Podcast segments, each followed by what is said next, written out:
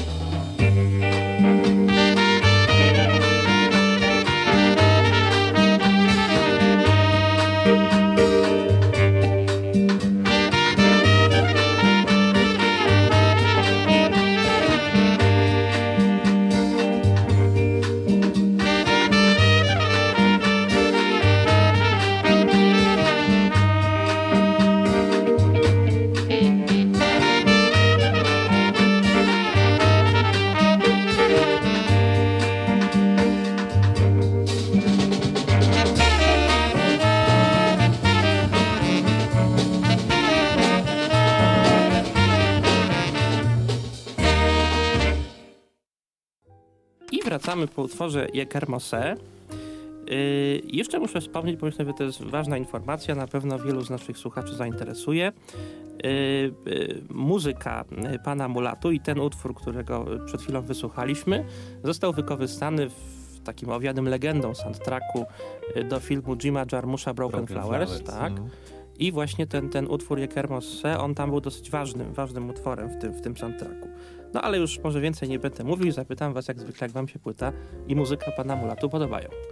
No, wiesz co, podoba. Natomiast, natomiast e, tutaj operujemy takim terminem, wydaje się, że Mulatu Astatkę jest y, najbardziej znanym przedstawicielem takiej stylistyki, która nazywa się ten etio jazz, tak? I to jest niby mieszanie wzorców e, muzyki, no nazwijmy to bardzo brzydko, zachodniej, europejskiej, amerykańskiej, amerykańskiej, czyli funku, jazzu, właśnie soulu, muzyki improwizowanej, trochę elektroniki z typową muzyką etiopską. No i dla mnie ten termin trochę niczego nie oznacza tak naprawdę, bo to jest jakiś taki zlepek pewnych inspiracji i to jest tak naprawdę mój zarzut. Przepraszam, bo zacznę, zacząłem od negatywów, no czasami tak trzeba. To jest mój zarzut zarówno do tej stylistyki etio-jazzowej, jak i do samego mulatu Astatkę, że to jest... Znowu, tych inspiracji jest na tyle dużo i one są na tyle niewystarczająco wyraźnie zauważalne, e, a z drugiej strony ich mnogość jakoś tam robi wrażenie, że ten taki typowo etiopski charakter tej muzyki mi trochę umyka. Jakby to była płyta, znaczy płyta, jakby to były nagrania, nie wiem, z Francji, z Niemiec, nawet z Polski, nie byłbym temu jakoś tak przesadnie, e, nie byłbym zdumiony wtedy. Czyli po prostu brakuje mi na tej płycie, i to jest mój jedyny zarzut wobec tej płyty, tak bardzo tak wyraźniej zarysowanego e, tutaj nawiązania do tej typowo etiopskiej muzyki tradycyjnej. Coś, czego jestem ciekawy i coś, co jest fascynujące, co kojarzę z innych płyt, a tutaj mi tego brakuje po prostu. A znasz muzykę etiopską? Właśnie znaczy, znam ją z trawestacji. Znam na przykład taką płytę e, b, b, Koptykus, którą niedawno nagrali, nagrali bracia Oleś i Dominik Strycharski i ona się odwołuje, tu przyznaję, do tradycji muzyki koptyjskiej. Ale koptowie, Egipt, Erytrean, w Etiopii też ich było wielu i ta muzyka koptyjska jest składową mocną tej muzyki etiopskiej.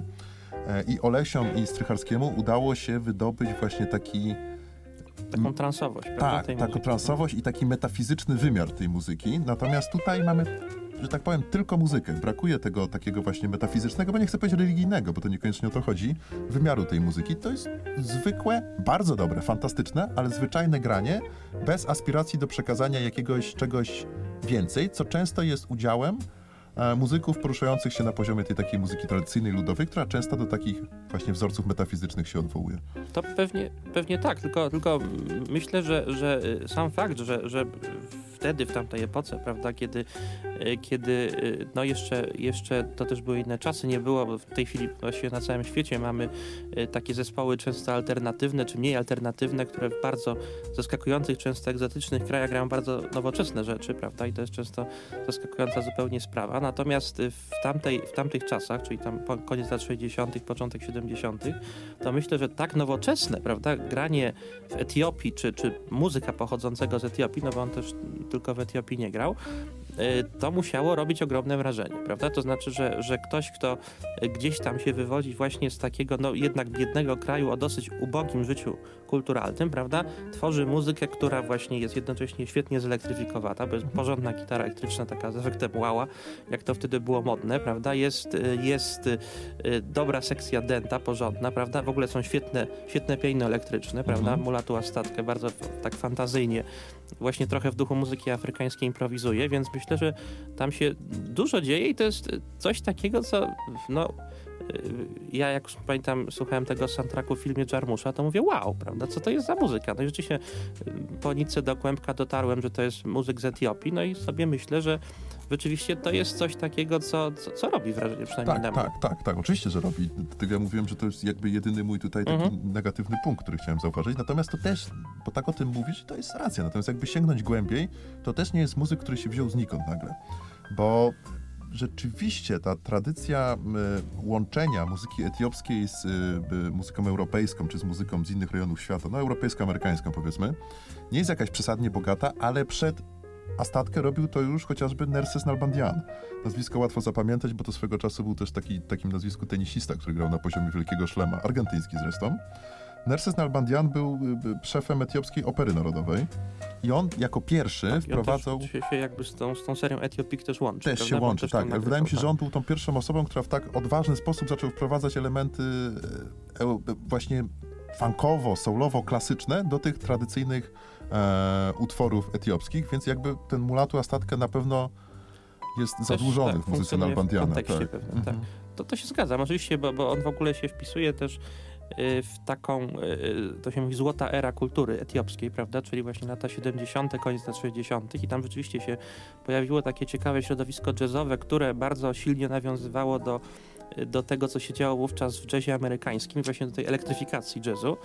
I myślę, że Mulatu Astatkę świetnie się wpisał w tą, w tą falę, prawda, ale rzeczywiście te, te nazwiska, ja też y, dokładnie ich, ich, ich nie pamiętam, ale właśnie to, to, o którym mówiłeś i też paru innych, prawda, Mhm. bo to było tak może z pięciu, sześciu muzyków, którzy grali podobnie, to ja myślę, że, że jednak Mulatu Astatka grał z nich najlepiej. To znaczy, że to jest jednak postać, która... Tak, y, I dlatego się. pewnie tak, zaistniał szerzej tak, też na tak, zachodzie, tak, prawda? Tak, tak, zgadza się.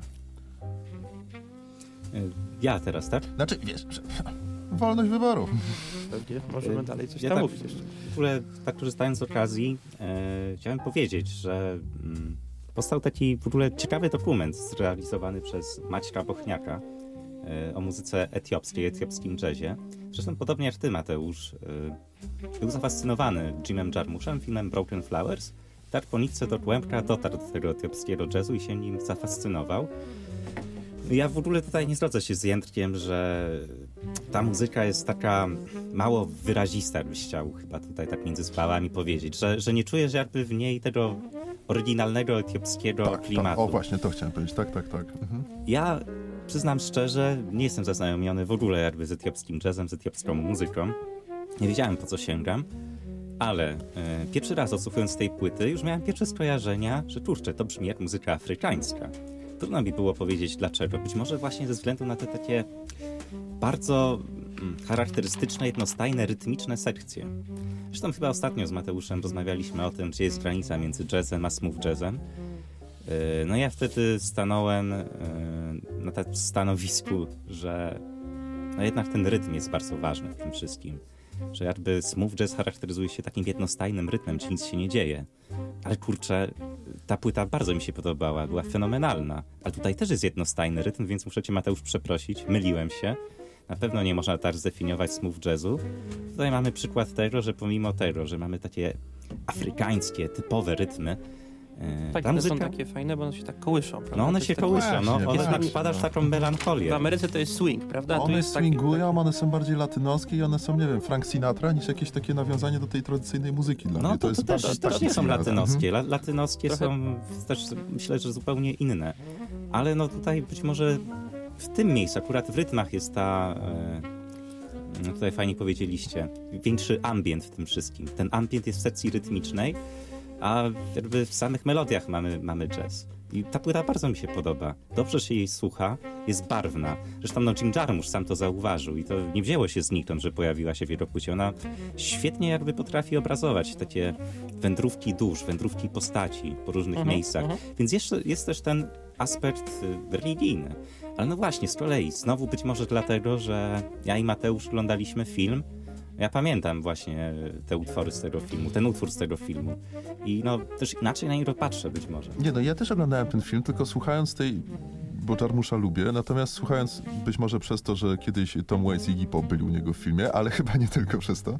Natomiast w oderwaniu, jakby słuchając tego utworu, a przecież no on nie tworzył soundtracku do filmu, mówmy się, Mulatu Statkę, no to właśnie mi to gubi się. To jest raczej wizja Jarmusza, to, że tutaj do, dopowiadamy jakiś ten, być może jakiś taki religi- religijny motyw, niż to samo, co jest w tej muzyce zawarte. Znaczy, Mhm. jeżeli, jeżeli mogę się wtrącić, to myślę, że to jest trochę tak, że, że Jarmusz jakby wykorzystał tą muzykę, bo ona trochę mu się wydawała taka absurdalna w kontekście filmu, prawda? A no bo mhm. e, muzyka, która gdzieś tam nawiązuje do tradycji etiopskiej, a jest jednocześnie e, nowocześnie amerykańska, no ona rzeczywiście jakby podkreślała też pewną absurdalność całej sytuacji, bo film był zbudowany głównie tak, tak przynajmniej z tego co pamiętam, takich trochę absurdalnych rozmowach, prawda, sytuacjach, Mhm.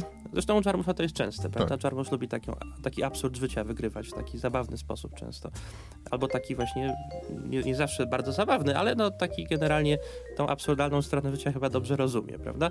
I, i właśnie e, myślę, że o to mu głównie chodziło. Natomiast e, myślę, że, i i to jest też moja taka obserwacja, że słuchając już tej muzyki niezależnie od Jarmusza, chociaż to jest trudne, bo on jakoś się tak zrósł z mulatu a statkę, to to jest y, samo w sobie moim zdaniem bardzo dobre, prawda? Nawet niezależnie od tego, tego takiego trochę może na opak wykorzystania tej muzyki w soundtracku, że to jest po prostu y, ciekawe. Ja y, zauważyłem, znalazłem też na YouTubie taki koncert właśnie Astatkę, gdzie on trochę unowocześnia ten, ten, ten utwór właśnie Kermo y, y, Se w takim, w takim właśnie wydaniu bardziej już byśmy powiedzieli nu, nu jazzowym, Mhm. prawda? I to po prostu wtedy jeszcze, jeszcze jest jakby podbite i rzeczywiście ten aspekt duchowy wtedy wychodzi tej muzyki, zwłaszcza, że on jest tak ubrany, prawda, w taki strój trochę jak mnich, to może jest tradycyjny strój etiopski, no, cały na biało, prawda, i gra na wibrafonie takie, takie właśnie mistyczne frazy trochę i rzeczywiście wtedy widać, że ta muzyka też ma w sobie coś takiego e, religijnego czy mistycznego, byśmy powiedzieli. Właśnie, bo nie wiem, czy też mieliście takie wrażenie, ale ona jest bardzo psychodeliczna, jeśli Tak, chodzi o jest, harmonię. jest. Mhm.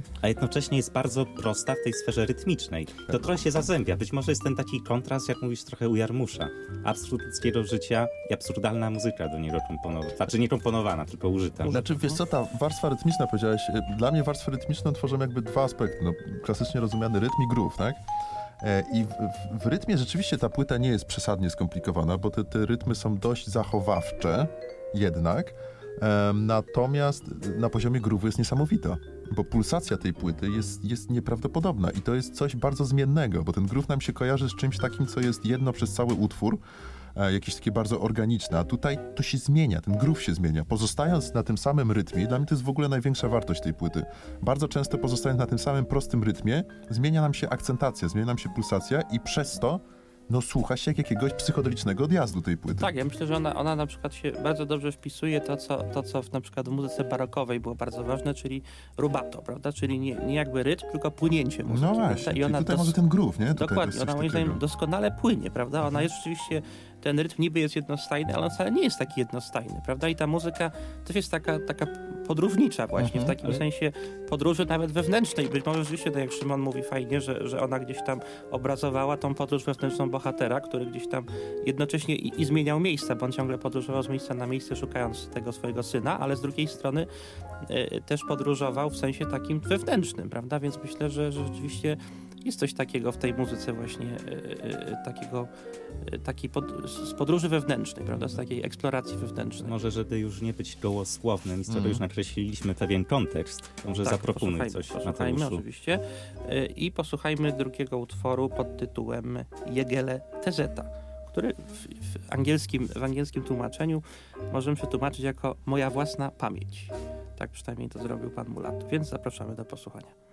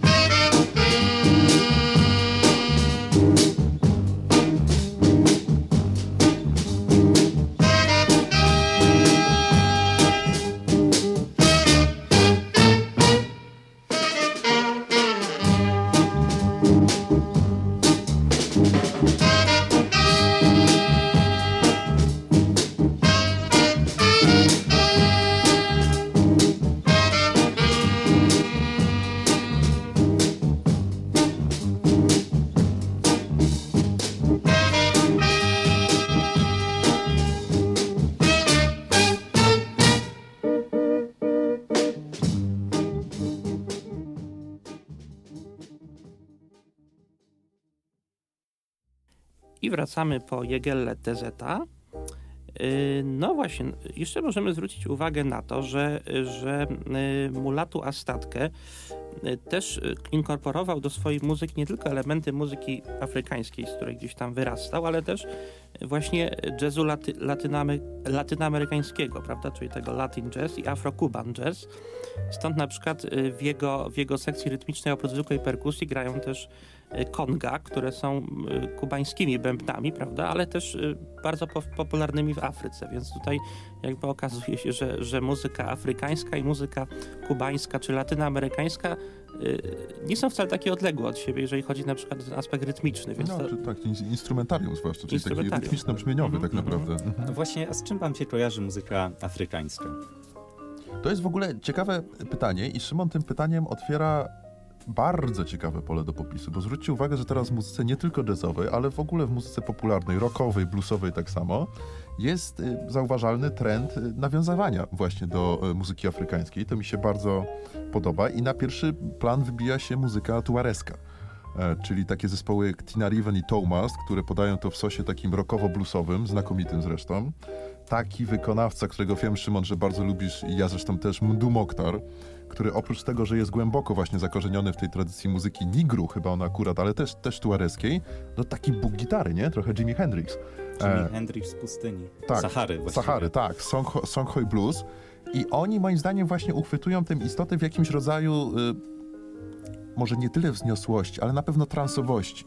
Takiej prostej, wciągającej transowości, która mi się zawsze kojarzy właśnie z tym aspektem metafizycznym. To jest coś, co świetnie na swojej płycie oddał zespół OM na płycie Advaitic Songs. To jest płyta rockowo-metalowa, ale taki wręcz mantrowy charakter, nawiązujący mocno do muzyki afrykańskiej, tam jest świetnie oddany. Mi się z tym kojarzy muzyka afrykańska właśnie, z tym jakimś rodzajem właśnie takiej transowości, wręcz hipnozy. A ja wam mhm. powiem tak z perspektywy laika, że mi muzyka afrykańska kojarzy się przede wszystkim e, z bardzo wyekspe, wyeksponowanymi instrumentami perkusyjnymi. Rytmem, tak. I rytmem. I rytmem, rytmem, który tworzą. To jest rytm prosty, też jednocześnie nie jest tak banalny, jak to bardzo często bywa w muzyce typowo europejskiej albo bluesowej. Mhm. W tym rytmie, pomimo tego, że jest jednostajny, prosty, przyjemny do słuchania, yy, no, to nie jest taki rytm, że, że zagra ktoś pierwszy lepszy z ulicy. Tak, tam się sporo dzieje w tym tak. rytmie. Może przez ten grup właśnie. Yy... Tak, a pewnie, pewnie też to wynika z tego, że, że no, y, y, tradycja afrykańska długo, długo bardzo była tradycją taką bardzo ludową, prawda? Y, więc, więc ona jakby operowała dosyć prostym instrumentarium, więc no te instrumenty perkusyjne stosunkowo najłatwiej było też stworzyć pewnie, więc, więc tam rzeczywiście jak się tak no, jakiś film dokumentalny o Afryce, no to wykorzystuje się tą muzykę ludową, no to są głównie, prawda, bębny, jakieś, jakaś taka muzyka perkusyjna. To prawda, to no. prawda i to jeszcze w wielu rytuałach religijnych mhm. często są te bębny używane i dlatego być może nam się to kojarzy trochę z taką duchowością, Wiesz co? której, której poszukujemy. Tak, tak. I z tym rytmem to też jest dobre skojarzenie, bo no znowu musi się powiedzieć John Coltrane, to on był chyba pierwszy, który do Ameryki przynajmniej, ale jak do Ameryki, to i do Europy później, jeżeli chodzi o jazz, wprowadził takie zainteresowanie muzyką afrykańską. Była taka płyta z 61 roku, nagrana razem z e, Erikiem Dolphin zresztą, o którym kiedyś rozmawialiśmy. Płyta się nazywa Africa Brass. I to jest fantastyczne rozwiązanie na poziomie rytmicznym, bo tam w zasadzie w ogóle nie ma progresji akordowej. Cała płyta jest utrzymana w jednej, praktycznie w jednej tonacji. Tam zmiany akordów są bardzo rzadkie. Natomiast na poziomie rytmicznym, który pomimo tego, że wydaje się prosty, tak jak mówi Szymon, czyli dość taki, wiesz, do nastukania spokojnie, to on w jakiś sposób tak meandruje, tak fluktuuje ci perkusiści Coltrane'a, że oni robią cały ten klimat tej płyty. I, i, znaczy, ja, ja, myślę, że, mhm. że w ogóle, że w, tej tradycji, wiesz, y, muzyki afrykańskiej, właśnie tego jakby perkusyjnego grania, w związku z tym, że oni właściwie przez y, być może nawet wiele wieków, prawda, grali wyłącznie na instrumentach perkusyjnych, to myślę, że oni naprawdę są bardzo tricky, prawda, nawet y, jeżeli chodzi o granie na, na perkusji, myślę właśnie, że ten specyficzny taki rytm, który który trudno uchwycić właśnie, który jest mhm. takim bardzo, bardzo rytmem e, trudnym do naśladowania. Trzeba rzeczywiście pewne, być może nawet wyrosnąć pewnej mhm. tradycji, żeby go czuć, żeby umieć go grać.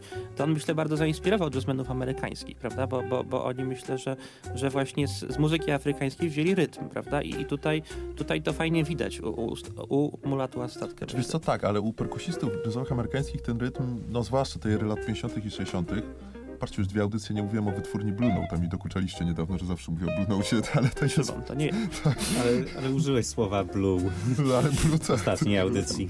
bardzo możliwe. E, to ten rytm jest jednak taki trochę no, swingujący. On jest taki właśnie rozmyty bardziej w tym jazzie. A tutaj w tej tradycji afrykańskiej on jest bardzo wyrazisty i bardzo, bardzo wyraźnie właśnie wyeksponowany. myś- myślę, że nie, że on też jest dosyć miękki, prawda? To Tak, znaczy on, ale on jest, on jest główną, taki- ale on jest motorem napędowym. Tutaj jest słyszysz, motorem, tak. so, wiesz, y, y, solówki, saksofonu, trąbki, a rytm jest z tyłu, mimo tego, że może ciągnie utwór, a w Afryce to jest tylko skupienie na tym. Tak, ale, ale myślę, że, że właśnie te tradycyjne takie utwory afrykańskie, gdzie, gdzie właśnie jest ten rytm, to nie jest jakiś rytm taki męczący, prawda? To nie jest Nie. taki rytm, nie wiem, jak, jak w muzyce pop, że po prostu się wali w te bębny, żeby, żeby potem dobrze to radio grało, prawda? Tylko Też, po prostu... to- to właśnie o tym mówiłem, że one są bardzo plastyczne, te rytmy. Tak, dokładnie, tak myślę też. Mhm. Zresztą muzyka afrykańska też mi się kojarzy z czymś takim, że mogłoby wyjść wielu perkusistów, grać na tych specyficznych instrumentach perkusyjnych. Tych, nie, nie chcę tutaj udawać, że wiem, jak one się nazywają, no ale no już ten sam fakt tego, jak oni brzmieliby razem. Wystarczyłaby sama perkusja, bo, bo to jest na tyle intrygująca muzyka, chętnie słuchałbym takich muzyków, tego samego rytmu.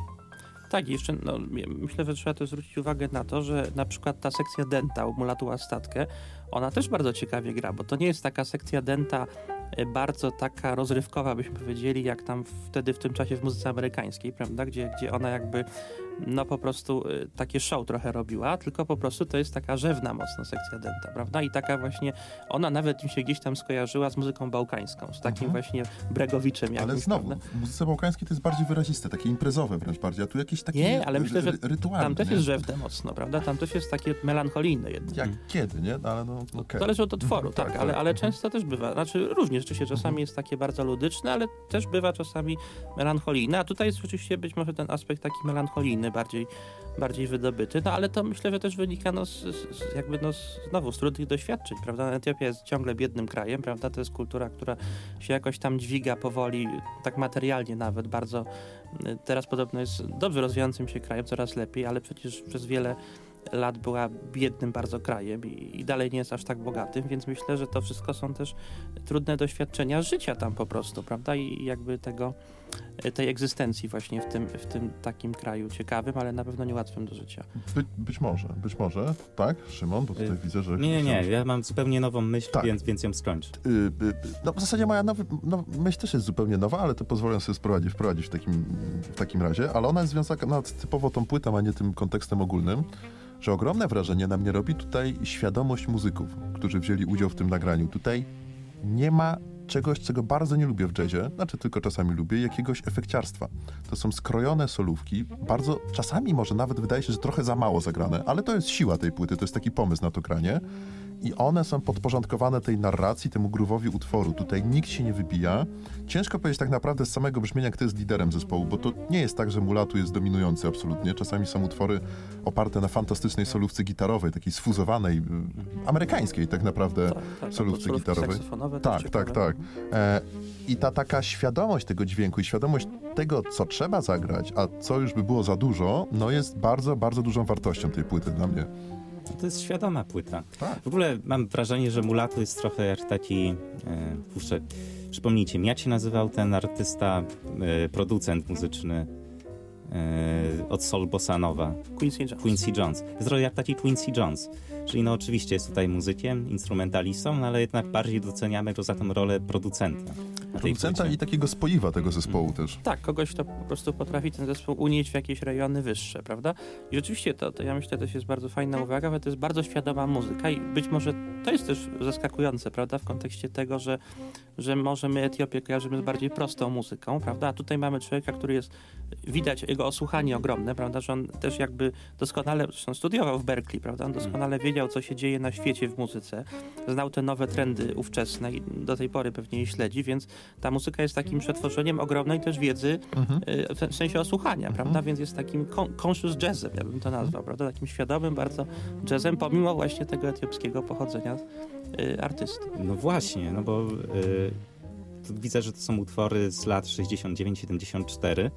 Ja tutaj czasami słyszałem nawet mocne nawiązania do muzyki funkowej, tutaj jak, była grana. Pamiętajmy, że wtedy funk no już- jeszcze chyba nie był aż tak popularny, więc w pewnym No, sensie... nie, wiesz co, tego funku, funku było, ten James Brown to przecież tam w wczesnych 60 i No. Jamerson, ta wytwórnia Motown, bardziej soulowa, ale ten Ale funk gdzieś tam się pojawił w latach tak, 70. tak, tak. No, więc, więc właśnie, więc w pewnym sensie mam wrażenie, że jeśli chodzi o wykorzystanie tego funku w jazzie, no to Mulatto był w pewnym sensie nawet pionierem.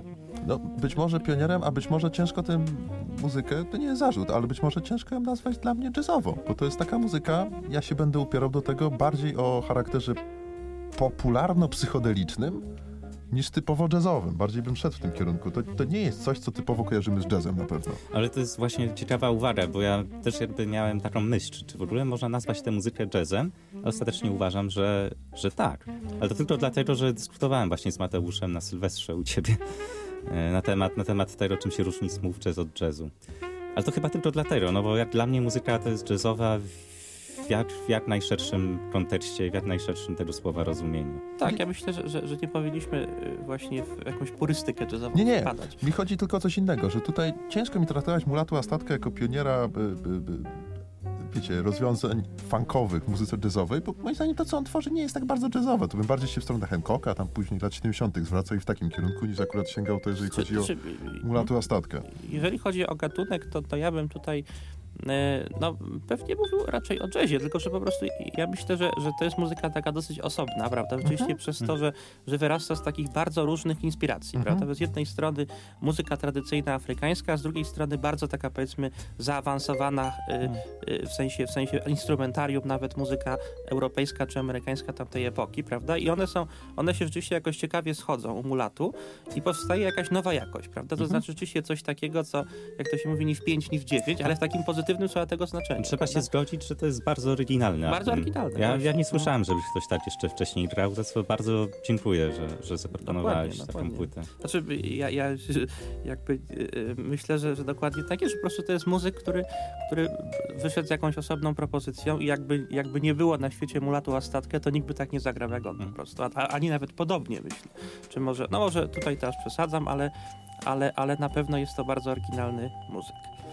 Yy, więc może na koniec zagrajmy jeszcze utwór Jekatit z tej samej płyty, który yy, po polsku byśmy przetłumaczyli jako luty, więc A luty, idzie luty? obój buty. Dokładnie tak. E, polecamy obudź buty i mam też taką, propo- bo luty się zbliża, mam też taką propozycję, Mateusz, bo ty szefujesz tej dzisiejszej audycji, żebyśmy po tym utworze Jekatit zagrali jeszcze, dla wiadomości słuchaczy, utwór Mazji, który jest nawiązaniem do muzyki koptyjskiej, który pochodzi z płyty Koptykus braci Oleś i Dominika Strycharskiego. Nie po to, żeby porównywać, ale po to, żeby wskazać, że z tej kultury afrykańskiej można zgoła różne rzeczy czerpać. Dokładnie, dokładnie, bo musimy też pamiętać, że, że Etiopia jest krajem w większości y, koptów, znaczy ko, to jest kościół tak zwany etiopski, który jest inspirowany kościołem koptyjskim, więc rzeczywiście te inspiracje są myślę tutaj bardzo zasadne. Więc dziękujemy bardzo za dzisiaj. Dziękujemy. Dziękujemy.